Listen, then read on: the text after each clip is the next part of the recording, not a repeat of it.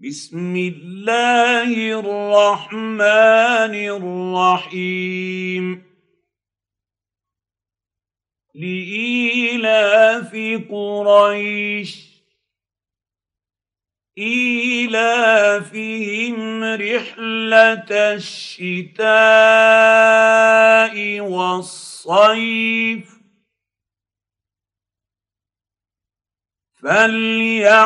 فليعبدوا رب هذا البيت الذي أطعمهم من جوع وآمنهم من خوف